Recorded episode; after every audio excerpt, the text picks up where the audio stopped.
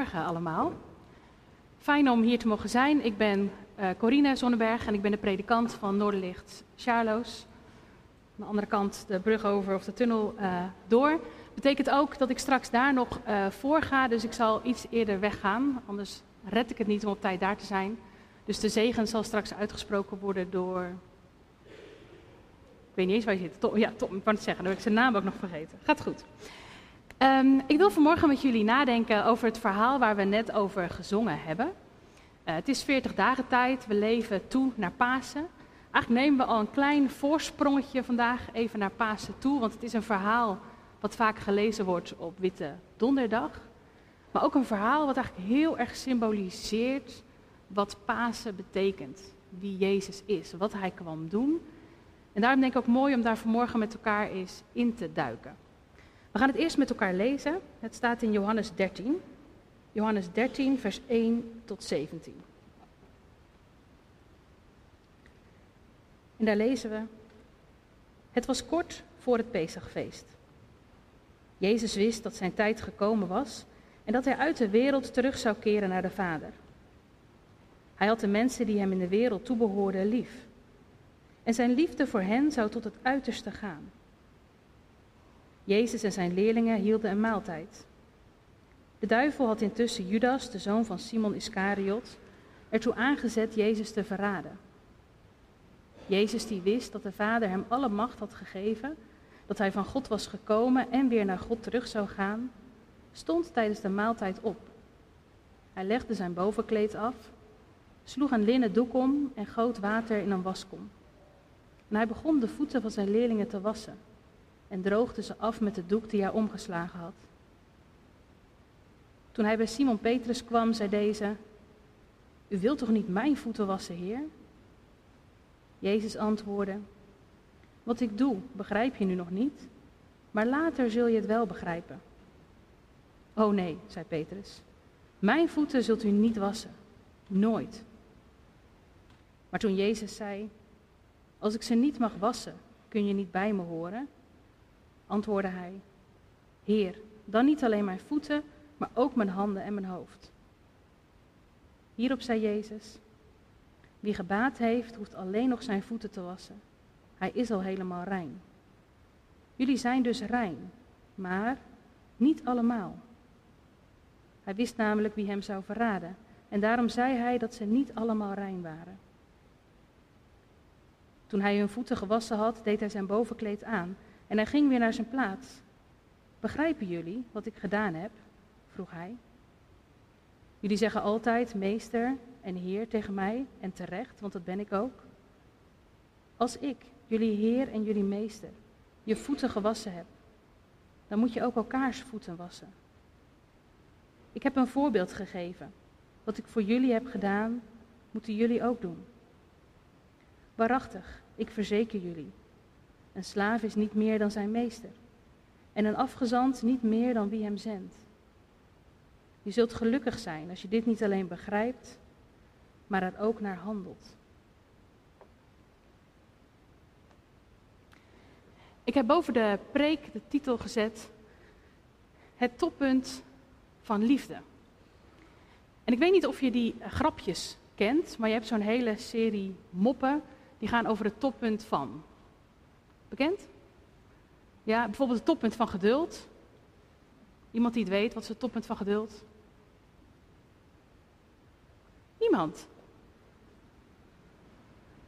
Echt niet. Nou, dan heb je echt wat te doen vanmiddag. Even googlen naar die grapjes, echt heel grappig. Bijvoorbeeld uh, een vis tekenen op de muur en wachten tot hij wegzwemt.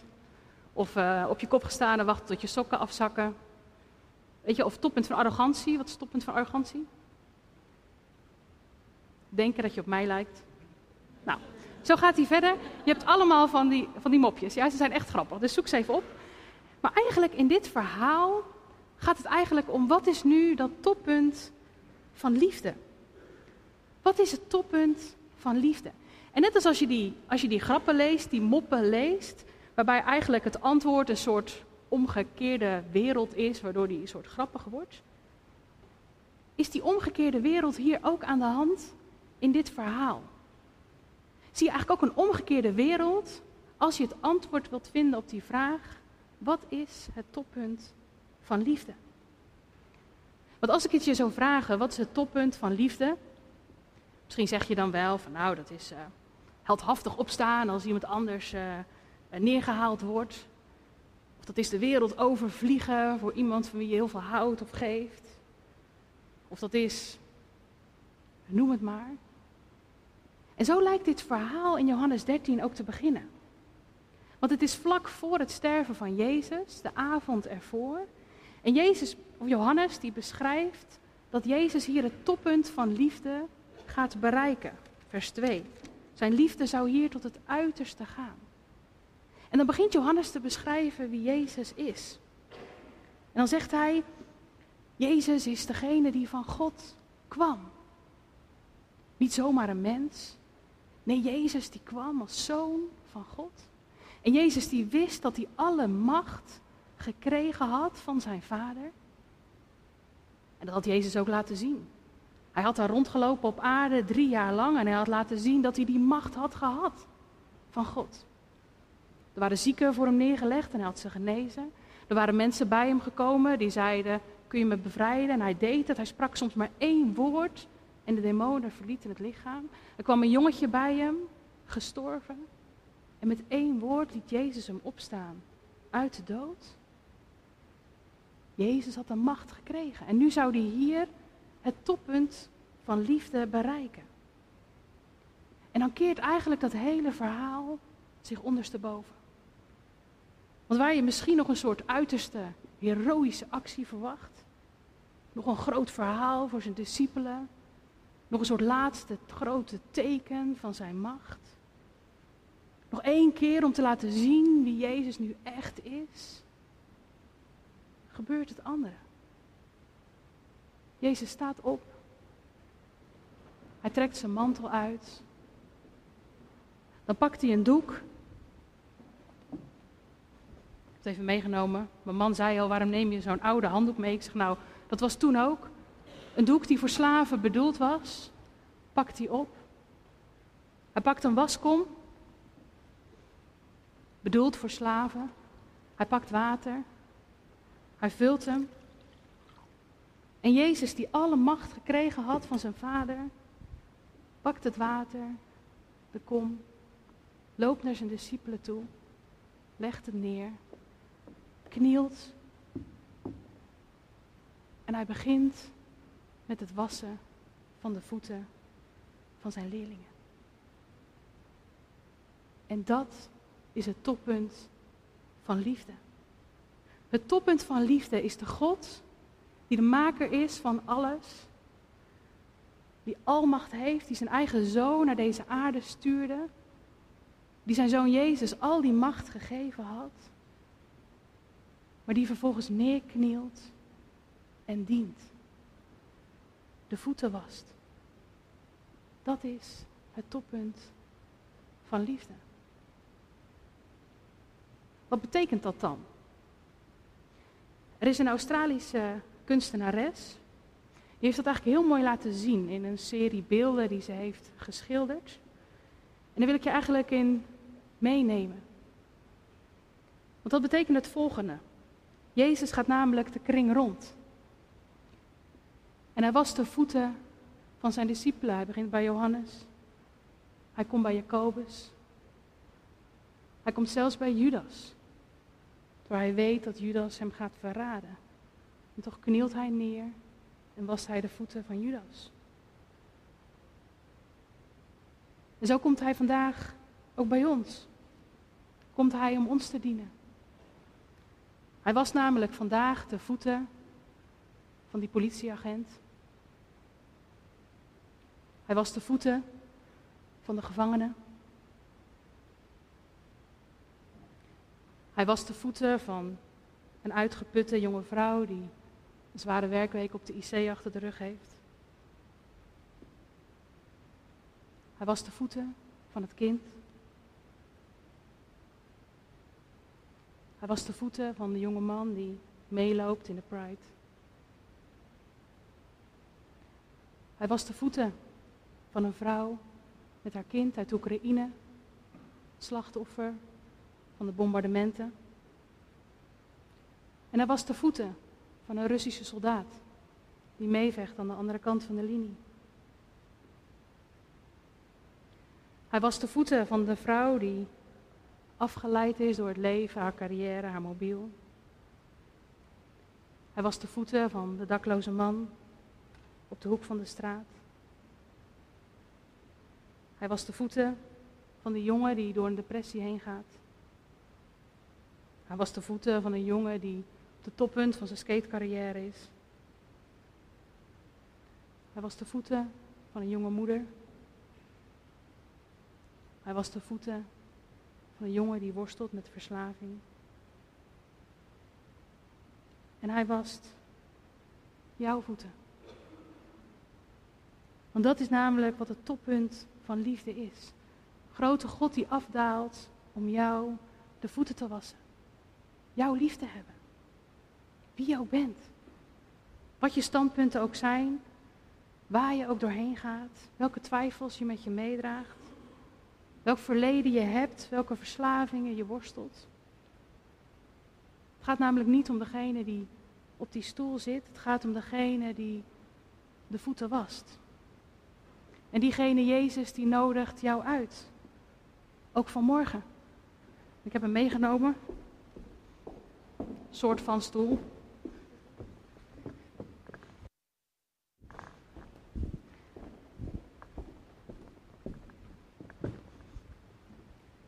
Maar dit is hem. De kruk. En Jezus nodigt jou uit. Vanmorgen. Kom je zitten. Mag ik je dienen? Mag ik er ook voor jou zijn? En die reactie van Petrus in het verhaal, die is helemaal zo gek nog niet. Wat is dit nou het toppunt van liefde? Jezus die dit moet doen voor mij, bent u gek geworden? Nee, dit gaan we niet doen. En is heel eerlijk, hoe vaak heb jij het wel niet gedacht? Nee, Jezus die mijn voeten was? Nee, zonder dat ik er iets voor hoef te doen? Nee, als ik nou eerst wat vaker hier op die kerkbank zit, of als ik nou eerst wat vaker bid, mijn Bijbel open doe, als ik nou eerst eens afgerekend heb met al die verslavingen of zonden uit mijn verleden. Of nee, laat mij die voeten maar wassen. Laat mij maar dienen, laat mij maar zorgen voor die andere mensen om me heen. Hoef ik dan niks te doen? Zo makkelijk kan het toch niet zijn? Nou, je mag gaan zitten. En dat klinkt heel simpel, maar het kan ook heel ingewikkeld zijn. En dat zien we ook bij Petrus, die verwarring. Hoe dan? En als u dan niet alleen maar voeten, moet u misschien maar, maar helemaal, moet ik dan helemaal maar gewassen worden? En dan zegt Jezus nee, want als je eenmaal gewassen bent, dan hoeven nu alleen nog maar je voeten gewassen te worden. En daarmee zien we eigenlijk een soort extra diepte in dit verhaal naar voren komen. Want Jezus nodigt je namelijk uit om plaats te nemen. Hij zegt: Ga maar zitten, ik wil je reinigen. Dat is namelijk mijn liefde. Dat is wat ik kom doen met Pasen. Dat is waarom ik ga sterven aan een kruis voor jou. En dan mag je weten dat je mijn kind bent, mijn zoon, mijn dochter. Maar daar stopt het verhaal niet. En daar stopt jouw leven namelijk ook niet. Want net zoals in de tijd van Jezus, waarin ze liepen met sandalen, en ze dan zich morgens wel gewassen hadden en doorliepen en het stof iedere keer weer hun voeten vies maakte. En als ze dan een nieuw huis binnenstapten, opnieuw hun voeten gewassen moesten worden. Zo is het ook met ons leven. Je wandelt door, je loopt door, je rent misschien wel door. En je wordt vies door alles wat je meemaakt. De valkuilen waar je weer in trapt. De gedachten die weer door je hoofd heen schieten. Alles wat je misschien wel doet of niet doet. En dan mag je iedere dag weer gaan zitten op die kruk. Nodigt Jezus je iedere dag weer uit. Wie je ook bent of waar je dag ook gevuld mee was, kom maar zitten. Ik was jou de voeten. dat is het toppunt van liefde. Is dat makkelijk? Ah, je hoeft er niks voor te doen. Maar soms is dat misschien nog wel het ingewikkeldst. Dat je niks mee kan brengen, dat het niet uitmaakt wat je gedaan hebt of wat je allemaal doet. Maar dat je gewoon mag komen met al je hebben en houden en het hier neer mag leggen. moest denken aan een voorbeeld een uh, heel aantal jaar geleden. En misschien heb ik hem ook al wel een keer genoemd hoor. Dat als ik hier in een preek, dan horen jullie hem gewoon nog een tweede keer. Um, ik heb vroeger, toen ik jong was, een keer een werkvakantie gedaan. En een van de doelen was dat we daar aan die mensen eten en kleding zouden uitdelen. We waren met een groep Nederlandse jongeren. En we kwamen daar aan en onze bagage was uh, kwijtgeraakt. We hadden een paar overstappen moeten maken en onze bagage lag ergens in uh, Wenen volgens mij, maar die kwam niet aan in het land waar wij waren. Dag 1 en 2 waren soort nog oké. En dag 3 loop je in je smerige kleding. Dan denk je, nou, dit wordt iets minder comfortabel. En dag 4 denk je, nu ben ik het echt spuugzat. En wij liepen daar en ik weet nog dat we liepen in die vieze kleding, aantal dagen aan. En dat de mensen die wij eigenlijk kleding zouden geven, naar ons toe kwamen om kleding aan te bieden. En dat wij kleding van hen aan mochten. Dat voelt super ongemakkelijk. Dat je denkt, moeten jullie het nu aan ons geven? Terwijl ik kom toch eigenlijk voor jou, om jou te geven, jou te brengen. En dat is hoe het vaak voelt. Ongemakkelijk. Dat je denkt, ik, ik heb er niks voor gedaan, ik, ik faal zo vaak. Maar dat is wel precies wat het is. Dat je gaat zitten. En de ene keer misschien vol met je hart van blijdschap. Dank u Jezus. Dat ik gewoon kan zitten. Dat ik gewoon mag zijn. En de andere keer misschien wel met je ogen vol met tranen. Omdat je denkt, oh, hier ben ik weer. Maar u kent mij. En hier op die kruk mag ik weten wie ik ben. Een kind van u. Het zou ook nog zo kunnen zijn dat je nu hier zit en net al die dia's, die plaatjes langs zag komen. En dat het dan even door je hoofd heen schiet. Ja, maar hoe zit het dan met, uh, kom op, een Russische soldaat, Poetin, Judas, bedoel. Misschien nou, dacht je wel aan een andere persoon, een crimineel, iemand die misschien een hele andere mening heeft dan jij, waarvan je weet dat dat toch helemaal verkeerd is. Hoe werkt dat dan?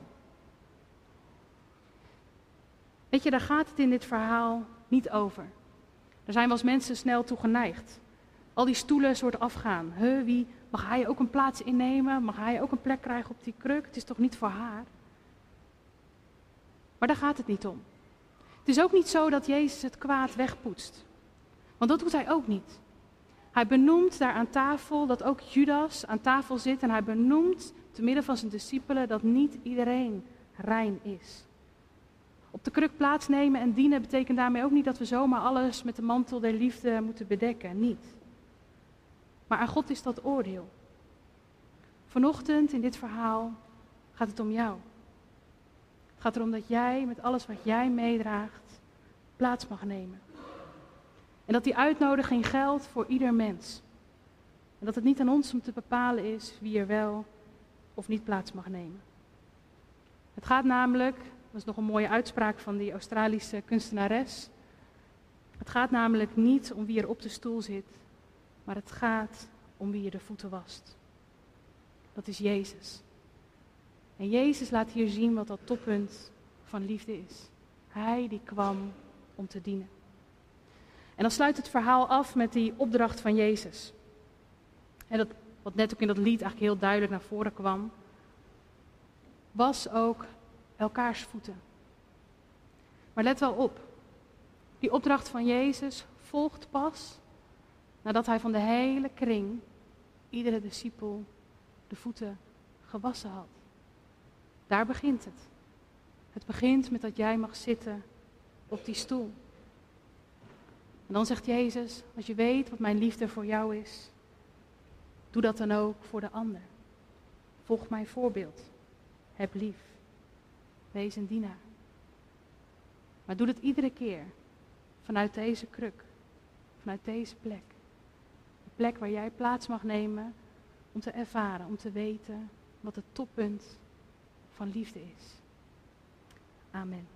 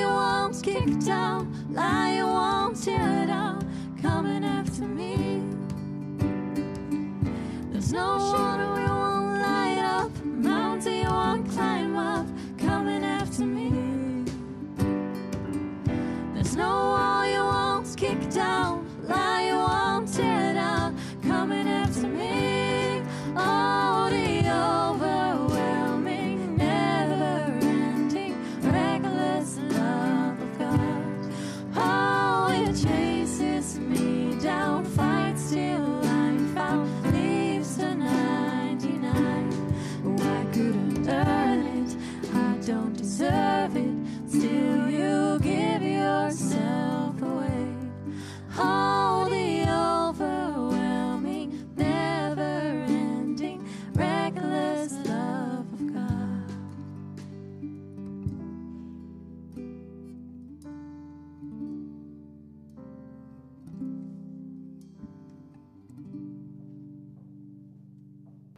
Laten we met elkaar danken en ook bidden. Ik zal tijdens het gebed ook een moment van stilte geven. Dan kun je je eigen persoonlijke woorden uitspreken naar God. En ik stel voor dat we met elkaar het gebed samen afsluiten. Dat we samen met elkaar dat gebed bidden wat Jezus ons leerde, het Onze Vader. Laten we met elkaar bidden.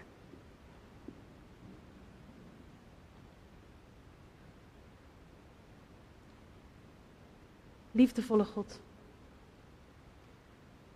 Dank u wel dat u heeft laten zien wat dat toppunt van liefde is. In uw eigen zoon Jezus. Dank u wel, Jezus, dat u kwam. Dat u kwam om te dienen.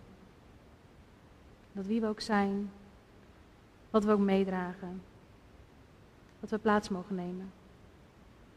Omdat u ons wil dienen, omdat u ons de voeten wil wassen. En u kent ons, u weet hoe we hier zitten. Misschien is het iets wat we kennen, wat we weten. Wat we misschien al wel meerdere keren ervaren hebben, hoe het mag zijn om bij u te komen. Maar misschien ook wel niet. Misschien iets wat we spannend vinden. Nog niet helemaal begrijpen. Wilt u vanmorgen dichtbij komen? Met uw liefde. Uw liefde merkbaar aanwezig mag zijn in ons leven. Dat u ons vasthoudt. Dat u ons achterna gaat. Hoe ver we misschien ook wel weg zijn. We willen ook in een moment van stilte daarin onze eigen woorden uitspreken naar u.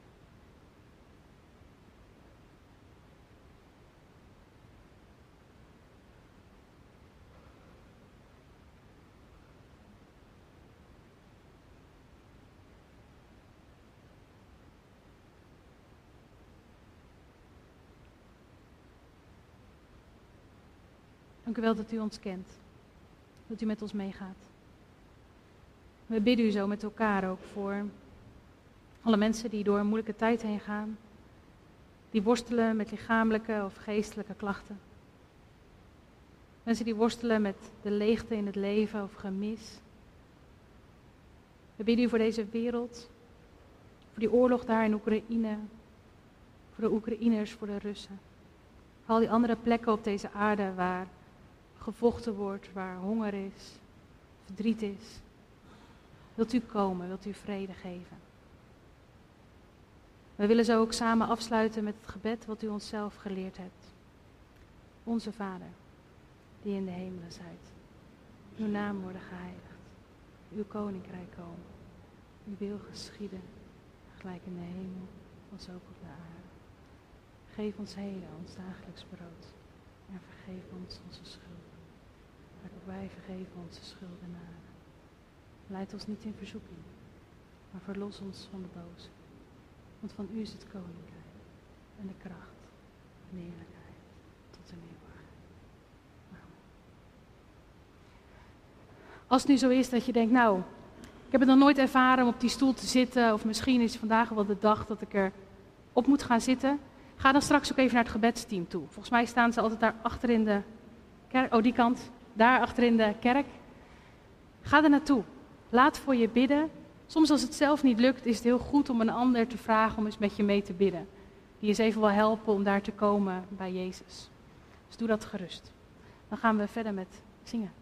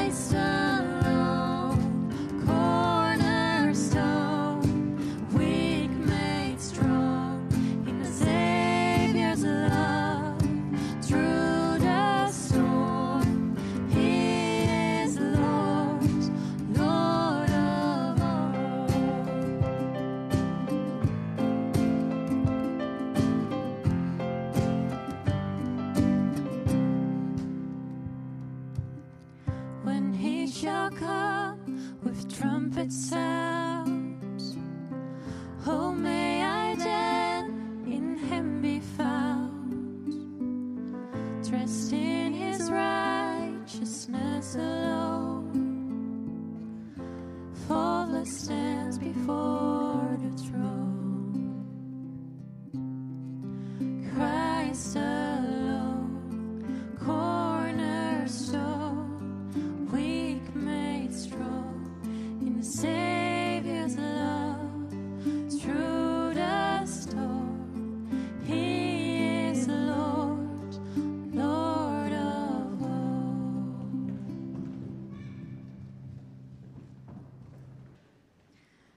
net het Onze Vader gebeden, maar we gaan het nu ook eh, zingen, omdat dit het gebed is wat Jezus ons heeft geleerd.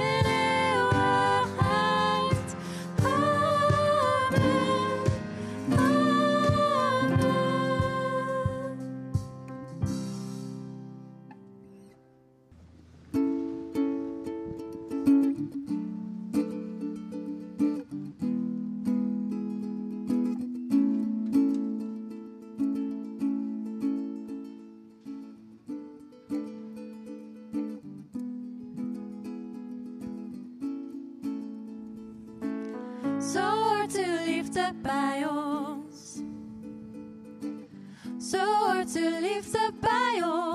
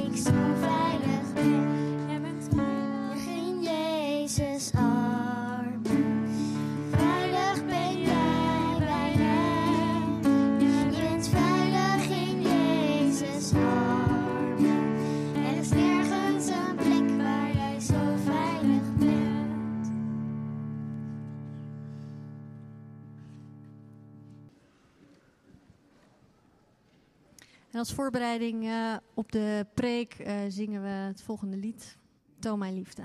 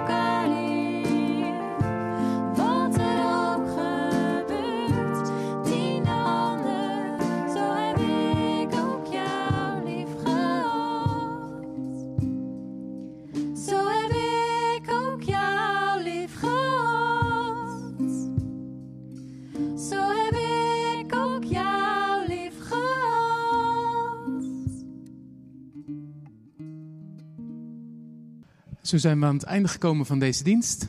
We vragen zo nog om de zegen. Je kan nog even blijven hangen voor de koffie en de QR-code komt zo op het scherm. Laten we bidden om de zegen.